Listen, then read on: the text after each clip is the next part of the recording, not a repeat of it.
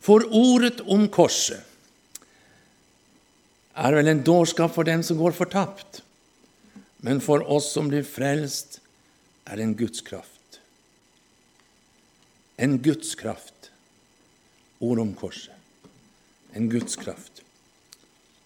For jeg vil ikke vite av noe blant dere uten Jesus Kristus og ham korsfestet.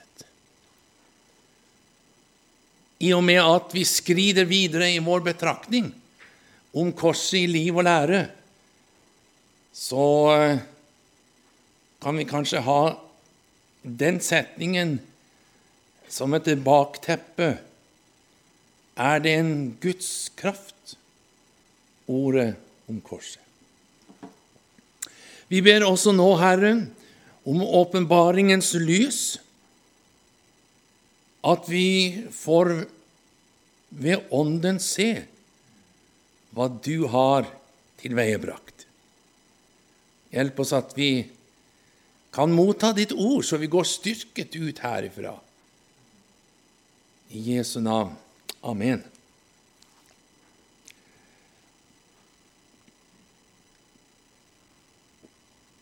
Denne andre timen kaller jeg for korsets Korset Guds plan fra evighet.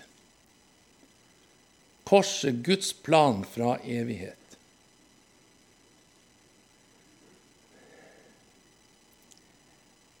Korset er ikke bare frelsessymbolet. Ja, hva mener du? Jo, Korset er selve prinsippet i forsoningens mysterium og utgjør prinsippet i det nye livet. Og det korresponderer med 2.2 i første Korinterbrev. Nei, unnskyld, det var ikke det. Vent litt her. Jeg tenker på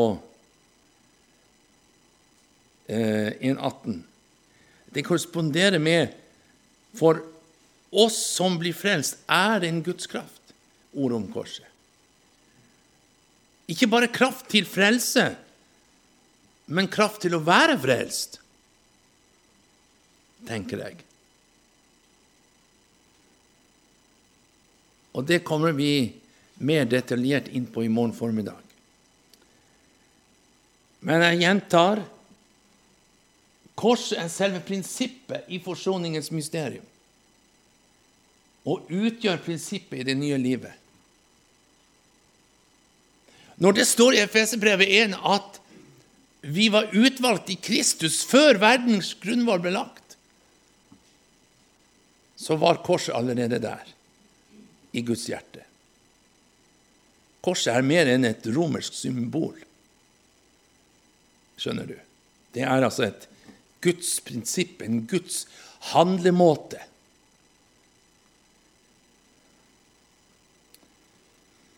Det som jeg vil bruke litt tid på nå i denne andre timen, er det som jeg har kalt for at korset er skjult i Det gamle testamentet, men likevel til stede.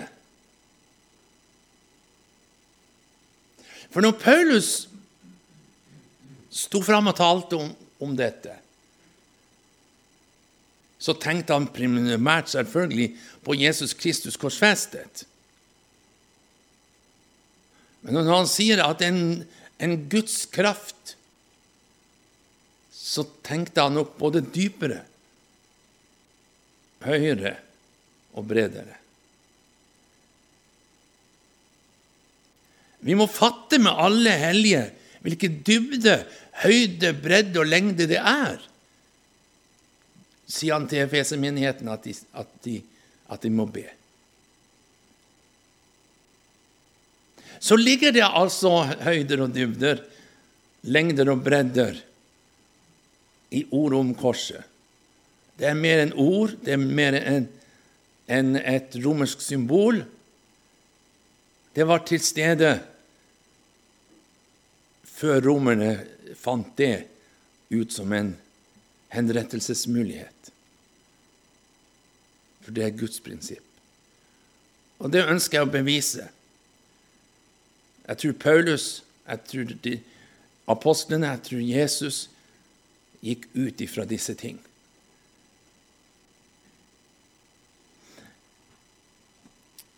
Vi skal se på Kain og Abel. Finner vi korset der? Vi skal snakke om Jakob, Josef, Manasseh og Efraim. Vi skal snakke litt om eh, Israel når de vandret gjennom ørkenen.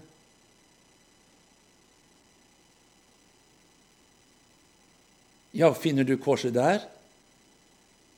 Ja, vent og se. Og tabernaklets konstruksjon. Husk på det, står det at eh, Moses han måtte se til at han gjorde det nøyaktig som det ble vist ham på fjellet. Det var nøye. Nå vel. Hemmeligheten i historien om Kain og Abel Hvis vi da noterer, slår opp Jeg slår opp sammen med deg, så det er litt viktig å lese Guds ord, ikke minst i et bibelstudie. Og der i det fjerde kapittel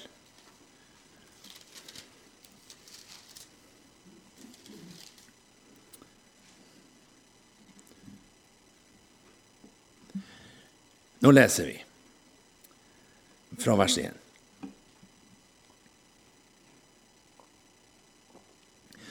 Adam holdt seg til sin hustru Eva, og hun ble med barn og fødte Kain. Da sa hun, Jeg har fått en mann ved Herren. Siden fødte hun Abel, hans bror. Abel ble sauegjeter, Kain ble jordbruker. Da en tid var gått, skjedde det at Kain bar frem for Herren et offer av markens grøde. Abel bar også frem et offer, som han tok av de førstefødte lammene i flokken og deres fett. Og Herren så til Abel og hans offer, men til Kain og hans offer så han ikke. Da ble Kain forbitret og stirret ned for seg.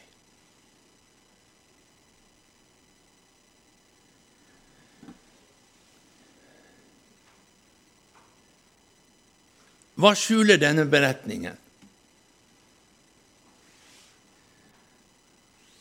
Jo, det skjuler det to måter å ofre på.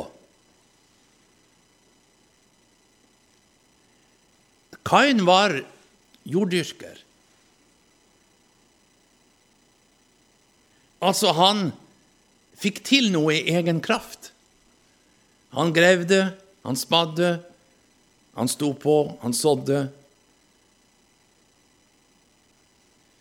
Mens Abel var sauegjeter, så han tok et liv, eller flere liv var det jo i flertall, og ofret det. Og så stusset jeg lenge på hvordan så de at Gud bare så til Abels offer? Men ikke til Kains. Når de ofret, så måtte de jo nødvendigvis tenne bål. Og de hadde et alter som de ofret på. Sannsynligvis. Kains offer av jordens grøde, det ble jo røk av det, tenker jeg. Og røken la seg horisontalt ved marken. Så Kain så Gud tar ikke imot mitt offer, men han tar imot min brors offer. Hvorfor? For røken steg opp til Gud og var en velbehagelig duft for hans nese. Og da har vi de to linjer, prinsippene Du har den vertikale fra Gud til oss. Ikke sant? Forhenget i tempelet Jeg hopper i tid, men bare for å illustrere.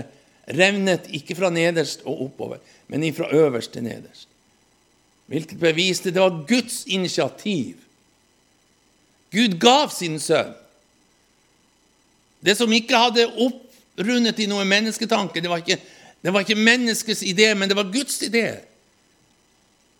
Guds gave til mennesket. Han, han gav muligheten til, til, å utføre det han krevde for å holde det. Ja, så måtte han gi. Jeg har gitt dere blodet på alteret. Jeg har gitt det. Som et soningsoffer, som et syndoffer, som et brennoffer. Når dere feiler, når dere synder, osv., osv. Ja, den tråden følges gjennom hele Bibelen til det oppfylles i Kristus.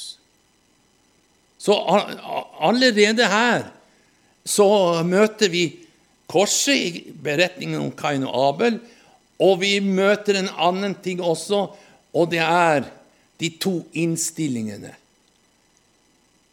For det ligger alltid latent i den menneskelige, falne natur å få til noe i egen kraft.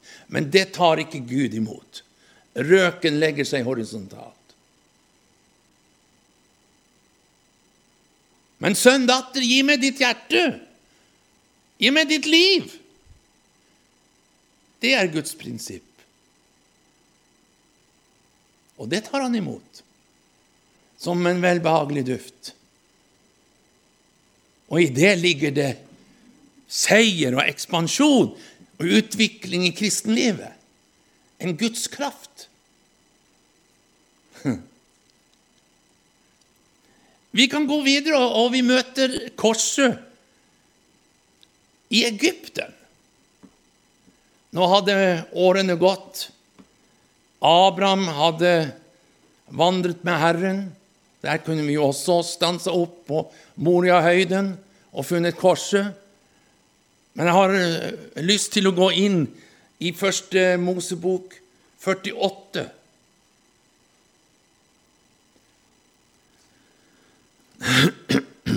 Første Mosebok 48. Skal vi slå opp det her?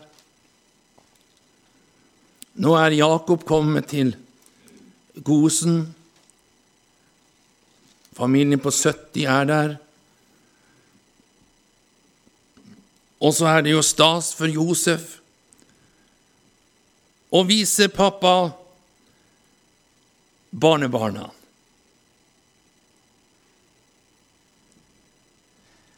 Den første var Manasseh. Gud har latt meg glemme all min møye og besvær. Og så var det den andre, Efraim. Det betød frukt, var det ikke det? Og du vet at når du Der har du en interessant linje. Når du har glemt det bitre, så blir det til fred, ble meg det bitre. Og det er en åndens frukt. Er du med, eller er jeg for innvikla i fremleggingen? Men så, så var det spørsmålet Hvor kommer korset frem? Jo, så skulle de oppleve at bestefar skulle velsigne dem. Og så skal vi lese fra kapittel 48, som sagt, og vi leser fra vers 13. Så tok Josef dem begge, Efraim i sin høyre hånd mot Israels venstre og Manasse i sin venstre hånd mot Israels høyre, og førte dem fram til ham. Men Israel rakte ut sin høyre hånd og la den på Efraims hode, enda han var den yngste, og sin venstre hånd la han på Manasses hode, Han la armene i kors, selv om Manasseh var den førstefødte. Så velsignet han Josef og sa, den Gud som var Abraham og Isaks Gud for hans åsyn vandret de, den Gud som var min hyrde fra jeg ble til og inntil denne dag, den engel som forløste meg fra alt ondt, han velsigne guttene, så de må kalles med mitt navn, og med Abraham og Isak, mine fedres navn, og må de vokse til en stor skare på jorden. Da Josef så at hans far la sin høyre hånd på Efraims hode, syntes han ille om det, og han grep sin fars hånd for å flytte den fra Efraims hode over på Manasses hode. Josef sa til sin far, Ikke så, far, for dette er den førstefødte. Legg din høyre hånd på hans hode, altså på Manasses hode. Men var han begynt å bli åreforkalka? Nei, slettes ikke. Han visste hva han gjorde. Men hans far ville ikke. Han sa, 'Jeg vet det, min sønn. Jeg vet det.' For det var gudvillet. Det var et prinsipp, og det kobler seg til dette prinsippet at den eldste skal tjene den yngste. Ja. Og det, og det prinsippet kan du også følge. For det går på tvers av. På kors, altså. På kryss av. Det som er vanlig. Også det taler korset om. Den menneskelige linje og den guddommelige linje. Allerede her, i, is, eh, i, i begynnelsen av Israel som nasjon, så melder korset seg. Og du, du, du, har et veldig interessant profetisk bilde her. Nå skal vi ikke ha noe mat etterpå, så så nå, nå, føler jeg at jeg har mer Jeg kan senke skuldrene. Så jeg bruker litt mer tid nå. Så nå blir jeg litt mer detaljert. Vi, vi har et, et, et, mye mer eh, profetisk bilde her som er veldig interessant. Du, du har Jakob her. Stamfaren til tolvstammefolket. Og du har Josef her som er far til Efraim og Manasseh.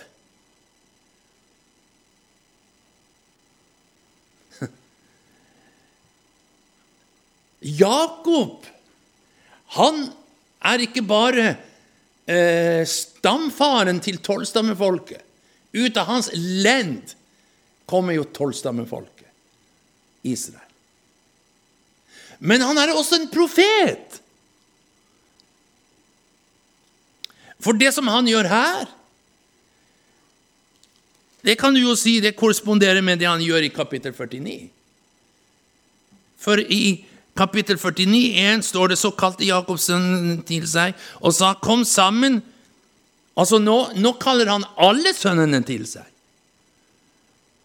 Men i 48 så kalte han bare Josef og de to barnebarna. Og hvordan korresponderer det? Jo, kom sammen, så vil jeg forkynne dere hva som skal hende dere i de siste dager.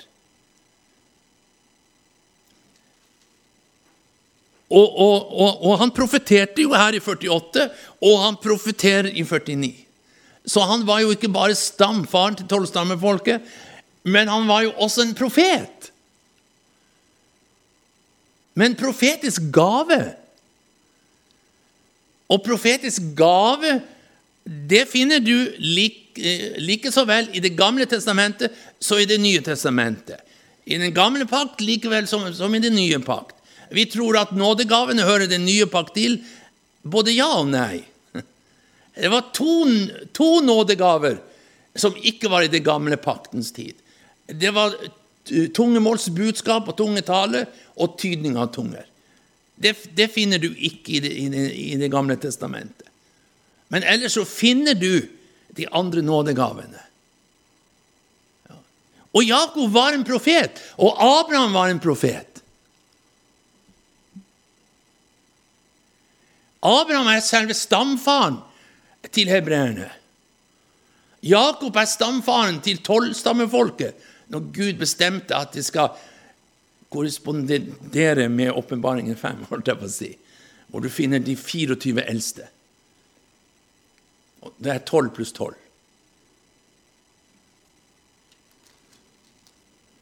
Ja.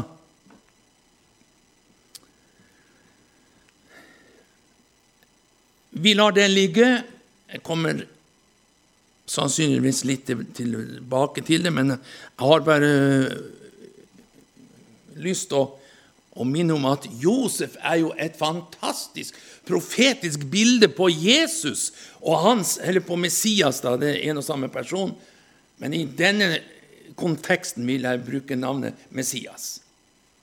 Han, han er jo Han er, er jo representanten Altså Josef han representerer Messias overfor hedningene og Messias overfor jødene.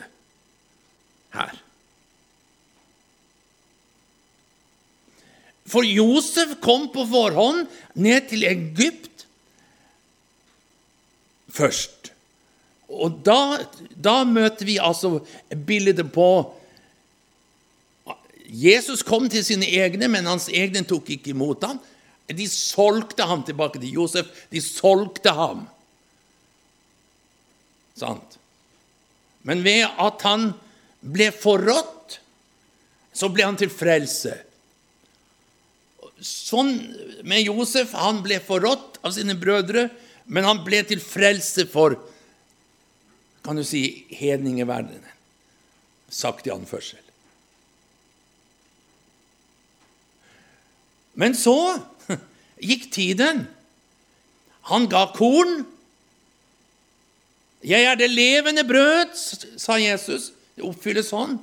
Så drar vi linker hele tiden. Josef kom med kornet. Vi drar linken fra Josef og til Jesus. 'Jeg er det levende brød', som er kommet ned ifra himmelen. Og den som eter av dette brød, han skal leve selv om han enn dør. Det er jo veldig sterkt sagt. Du snakker om riktig kosthold, men det er det snakk om i det brødet der.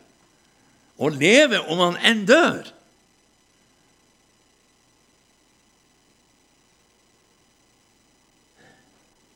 Men så kom det tiden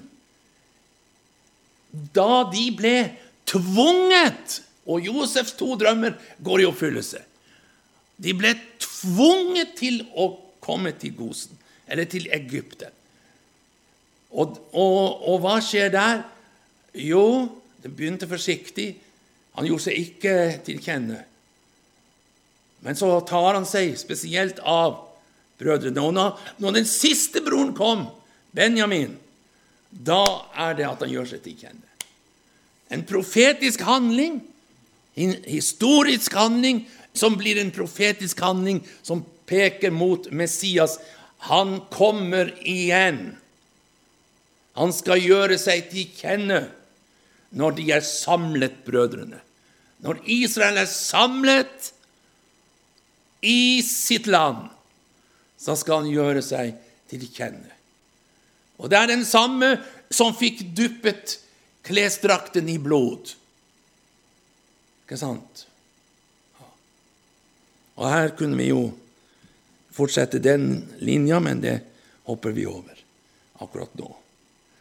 Jeg vil bare nevne det, så du ser hvordan uh, hendelsene De er ikke for å tale isolert for seg selv, men det går budskap ut, profetisk budskap, ifra disse historiske hendelsene i de første bøker i Bibelen. Ære være Gud og lammet. Så kan vi jo trekke Det går jo en rød tråd helt til åpenbaringsboka hvor hvor du møter de igjen. Og profetisk så kan vi se for deg korset. Ser du korset for deg i din indre verden? Og så kan vi trekke ikke vertikal linje, men en diagonal linje fra ytterpunktene på korset. Og det kommer fire trekanter fram. Ser du det for deg? Hvis du ikke ser det for deg i den indre verden, så tegn det på papiret. Og så trekker du diagonalen. Så kommer det fire trekanter frem. Og tre ganger fire, hva er det? Det er tolv. Er det ikke det? Du som er lærer. Tre ganger fire er tolv. Og så kan vi fortsette med multiplikasjon med å, å gange videre med de to andre linjene. Vertikalt og horisontalt. Og to, to ganger tolv er 24. Hvor ender vi da? Jo, da ender vi i Åpenbaringen 5. Fra vers 9. Og de synger en ny sang og sier:" Verdig er du til å ta imot boken og åpne seglene på den, fordi du ble slaktet og med ditt blod kjøpte oss. Det er de som har opplevd lammets dyrebare blod. Kjøpte oss til Gud av hver stamme og tunge, folk og ett, og gjorde dem til et kongerike og prester for vår Gud. Hvem er det som sier det her? Hvem er det som synger denne sangen? Ja, det sa du jo selv. Ja, jeg sa det er de som har opplevd det her. Men hvem er det som har opplevd? Jo, det finner du representert i vers 8. Da det tok boken, falt de fire livsvesener og de 24 eldste ned. Og de 24 eldste, der har du tallet 24. Som består av to ganger 12, som er 24. Og det er tolv representanter fra den gamle testamentet og tolv i det nye. Det er den herliggjorte skare, representert i de 24 eldste, som er menigheten. Som er menigheten. Ja, hva, hva, hva ser vi her? Jo, vi ser at allerede Allerede ifra første Mosebok så ligger det gjemt, denne hemmeligheten om menigheten, bestående av både fra Det gamle og Det nye testamentet. Ja, men hvordan, hvordan tok de imot Jesus?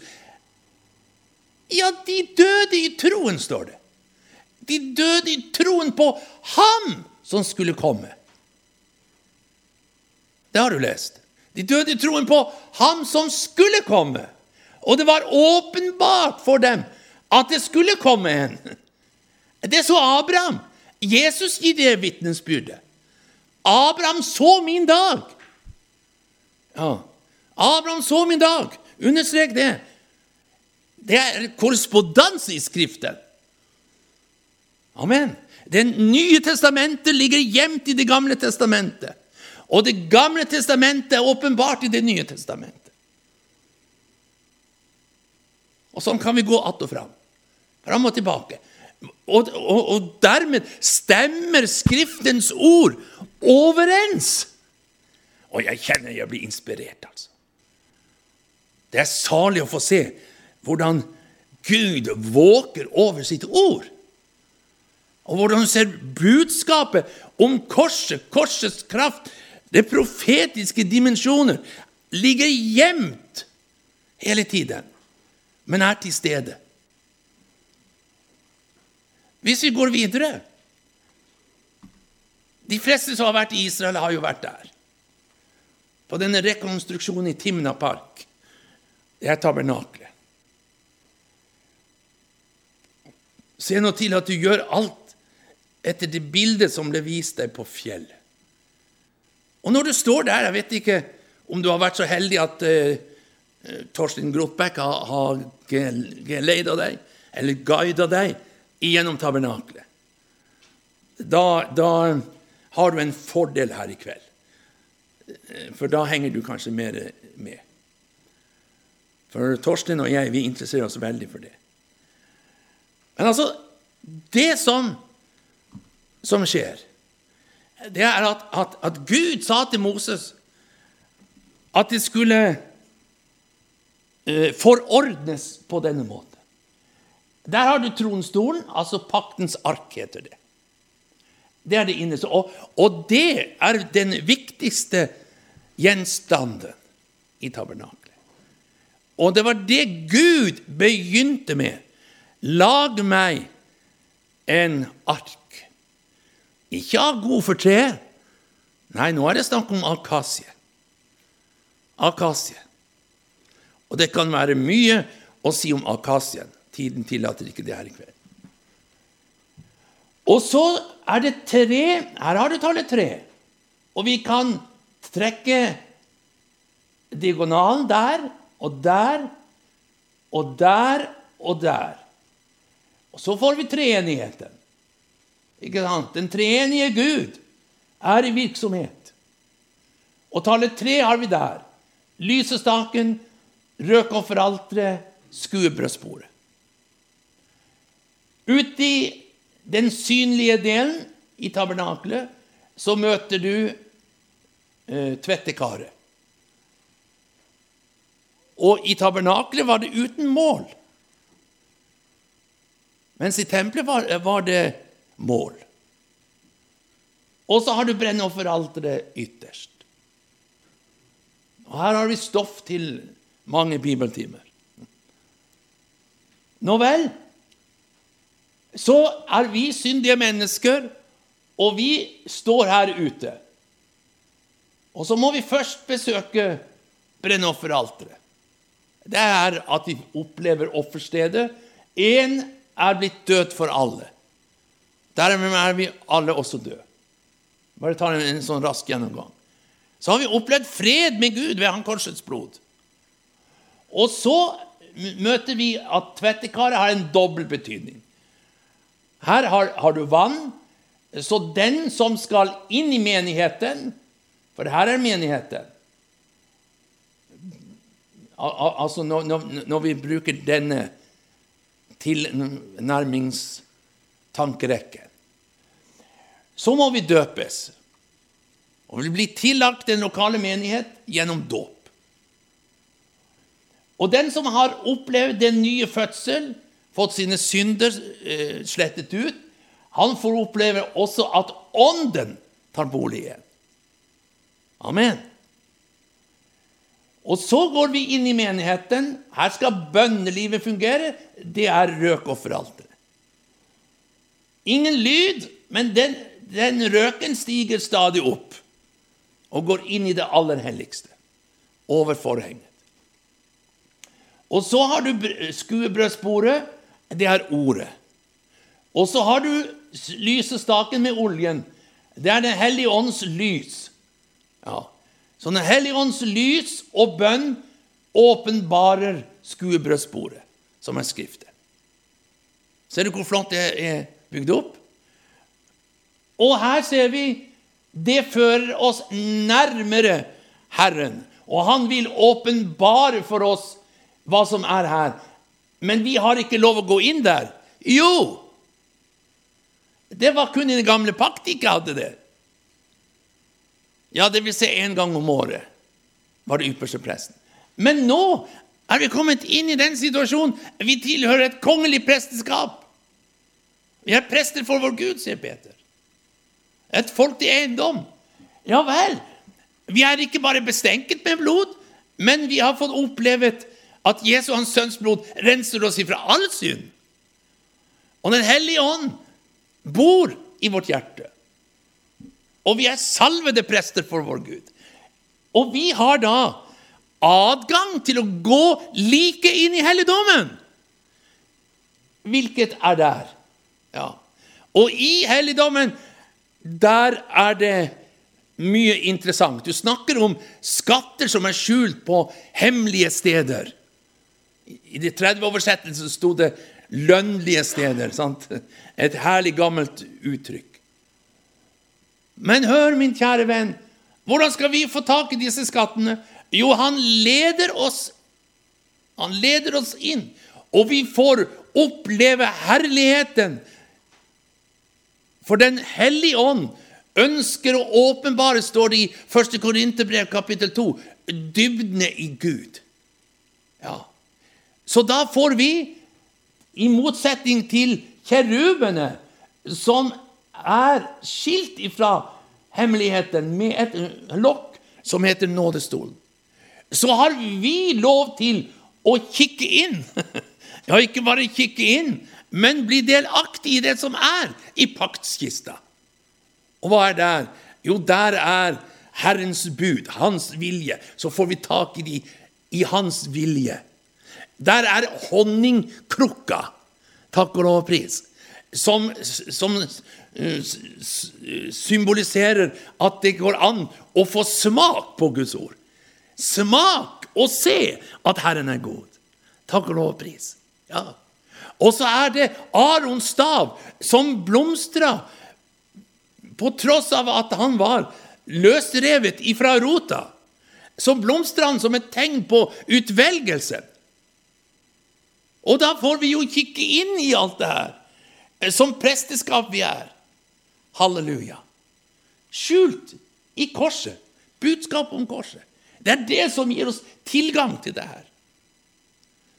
Hvis vi går videre i videre forstand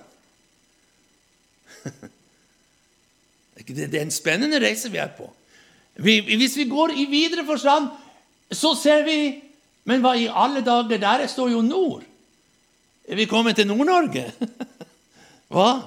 Og der står sør, vest og øst. Og her har jeg lyst til å si mange ting. Det er lenge før klokka er tolv. Nei, nå spøker jeg. Men ta for eksempel Her er åpninga inn. Ikke sant? Her er, er, er foregården helt fram der. Og så var Israel leiret på en spesiell måte. Og de var leiret i himmelretningene. Eh, nord og sør, vest og øst. Eller øst og vest, da. Og det var ikke uten grunn.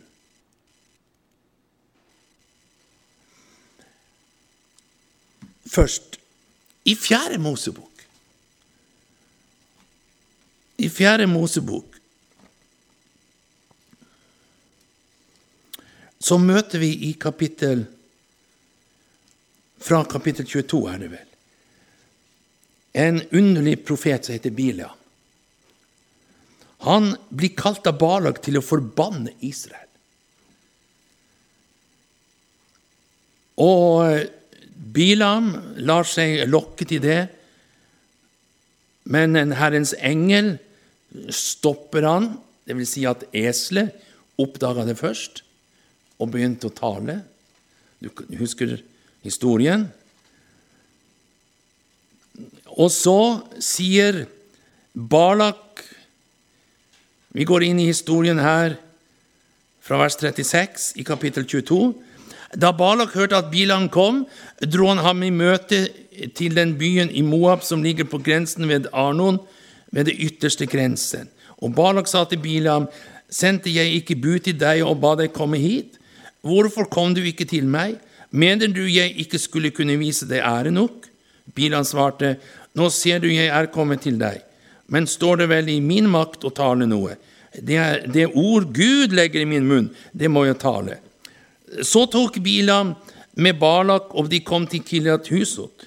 Og Balak ofret storfe og småfe, og han sendte av det til Bilam og de høvdingene som var med ham. Morgenen etter tok Balam med seg Bilam og førte ham opp på Bamot Baal. Derfra så han utkanten av folket. Men hvis vi går videre, så ser vi at uh, han vil ha han høyere opp. I uh, kapittel 23, fra vers 27, står det Da sa Balak til Bilam, kjære, kom med meg, så vil jeg ta deg til et annet sted. Kanskje det vil være rett i Guds øyne at du forbanner dem for meg derfra. Så tok Balak med seg Bilam opp på toppen av Peor, der en kan se ut over hele ørkenlandet. Da sa Bilam til Balak, bygg sju altere for meg her, og la meg få sju okser og sju værer. Og Balak gjorde som Bilam sa, han ofret en okse og en vær på hvert alter.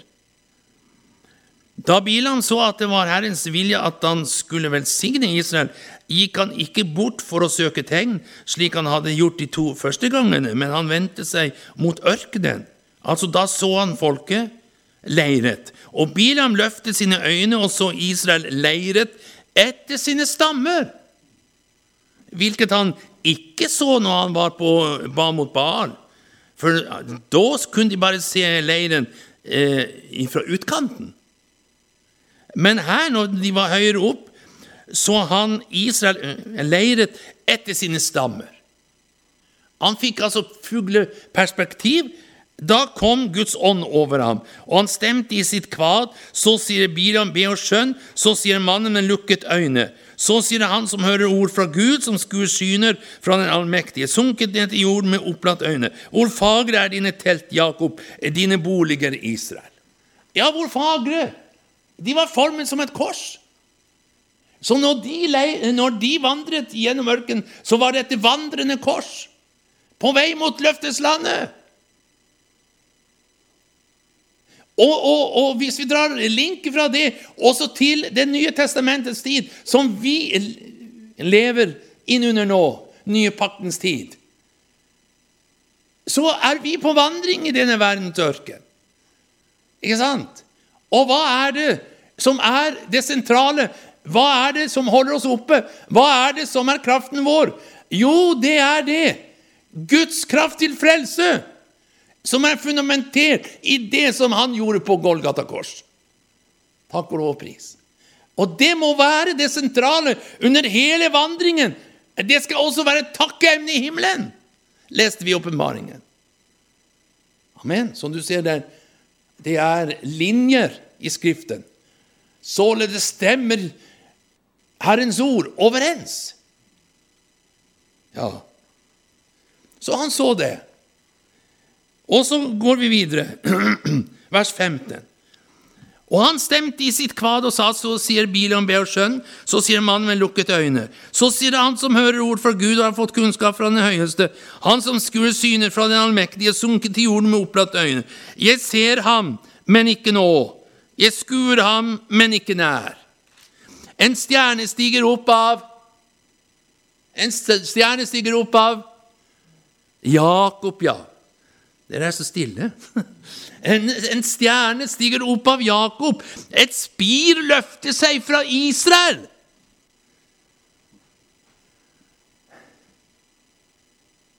Se nå her. Øst. Hvilke stammer var leiret i øst, som bestod av 186 400. Det var Juda, Isakar og Sebulon. Og hva sies om Juda? Jo, da skal vi gå tilbake i tid. Vi, vi skal gå tilbake helt til første Mosebok, 39. Er du med på det? Unnskyld, 49. Du, det, det, det, var riktig du ikke var med på det, men det er 49. Ja. Og så går vi til det åttende verset i 49. Juda, ser du det? Der, der snakker han om Juda. Så, så er spørsmålet korresponderer det med Gud bød Bilam å profetere når han ser leiren. Husk på Juda er der, i østlig retning. Østen, hva symboliserer det? Jo, det, symboliserer at noe For i Østen gryr dagen. Solen stiger opp i Østen. Bebuder en ny dag. Så, så Herren han gjør store ting. Han begynner ikke med natten. Men det som i skapelsesberetningen Det ble natt, og det ble dag. Ikke sant? Han, det, det nye han gjør, begynner ikke med natt, men det begynner med dag, mente jeg å si. Ja, ikke sant? Ja. Og her står det i vers 8.: Juda, dine brødre skal prise deg. Din hånd skal være på dine fienders nakke. For deg skal din fars sønner bøye seg. En ung løve er Juda. Har du hørt om løven av Judas stamme? Davids rotskudd! Halleluja!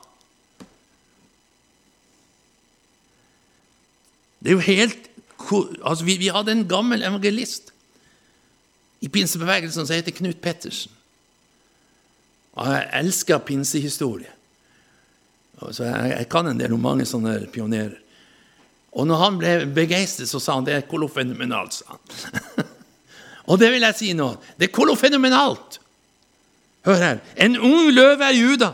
Fra rov er du steget opp, min sønn. Han bøyde seg, han legger seg ned som en løve, som en løvinne. Hvem tør vel vekke ham?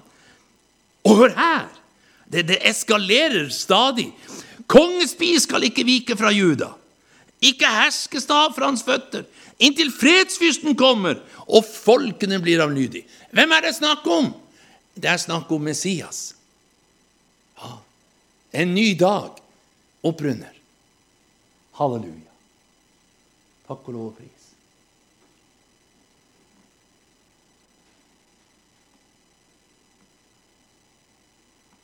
Og Sånn kunne vi fortsette å stanse ved de forskjellige og, og få en hel preken av det. Ja, Så, så har vi Efraim og Manasseh, som er byttet ut med Josef. For det ble todelt. Det ble delt mellom dem. Og, og, og Manasseh er den førstefødte, men, men, men han han skulle ikke ha høyrehånden, men det var Efraim, den yngste, så, fikk oppleve det. Og de er plassert i vest. Og i vest ligger øene som venter på Herren. Ja. Og det ble oppfylt når evangeliet kom til den vestlige del av jordkula. Takk og lov, pris. Så sånn, sånn ser du mange hemmeligheter i det som ligger her. Eh, Rakels barn, Leas barn, som er plassert her. Ser du det? Og, og, og, Lea hun var ikke første prioritet. Ta hvis, hvis vi f.eks. i korset tenker på det. De som er som, som føler seg tilsidesatt, nedprioritert, ikke er noe, som er full av mindreverdsfølelse. Det har jeg vært, og det har kanskje du vært. Og det setter oss på vent, liksom. Og sånn var det med, med Lea.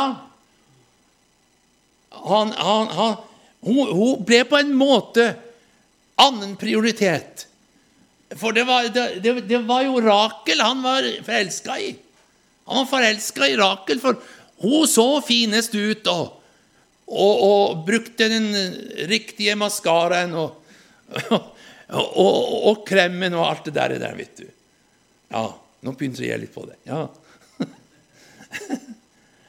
Så måtte han, han måtte eh, tjene sju år til. Så for Jakob var Eh, det, er jo tydelig at overfor eh, for uh, onkelen som han tjente for, så, så, var han veldig skuffet. Du, du har jo lurt meg, onkel. Du har jo lurt meg, Det var jo Rakel jeg skulle få. Nei, det er ikke skikk for hos oss å, å gi den, den yngste først. Den, den, den eldste. Så, så hun For å bruke pekeren her så, så hun var for, på en måte forsmådd. Det var annen prioritet. Men se hva Herren velsigna henne med. Herren velsigna henne kraftig, og hun står plassert under her. Det er jo fantastisk! Skjønner du? Ja. Det som ingenting er. Det er jo det som ligger i, i, i sakens natur. Det som ingenting er, det utvalgte Gud seg for å gjøre det vise til skamme. Legg merke til deres kall. Ikke mange. Noen er det som sa dronning Elisabeth. Er det ikke det dronningen England heter? Ja, Hun sa jo det. Det står 'ikke mange', så noen er det, mente hun, av, av vise og rike. Inkludert henne selv, for hun tror, og mener hun er en kristen. Men Paulus sier 'ikke mange'. Ja. Vise og, og, og forstandige tar imot evangeliet. Det som ingenting er, det utvalgte Gud seg. Ja, så, så, møter vi det budskap. Er ikke det fantastisk? Vi, vi kan tale om korset ut ifra Det gamle testamentet. Og se det som korset gjør for mennesker og med mennesker. Nemlig han reiser en ringe opp av støvet. Det var jo det som skjedde når ut ifra hennes livsfrukt kom Juda. Halleluja, vil jeg si. Ja, hva, hva betyr det?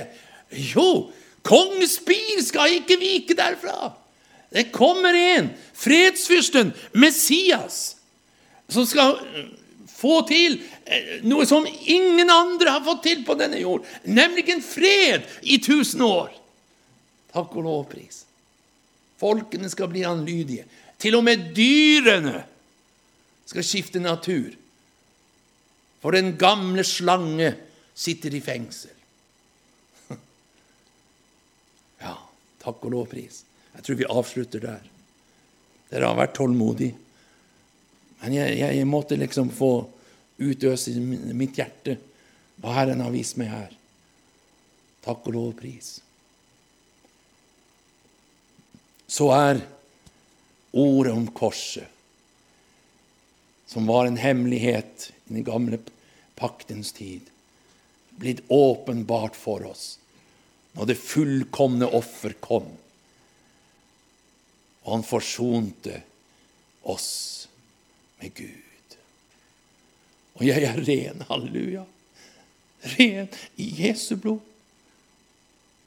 Og har blitt arving til et bedre rike. Og skal få være med i representantskapet, de 24 eldste og gi han ære og pris for at han var verdig og kjøpte meg og deg med sitt dyre blod ifra denne jord.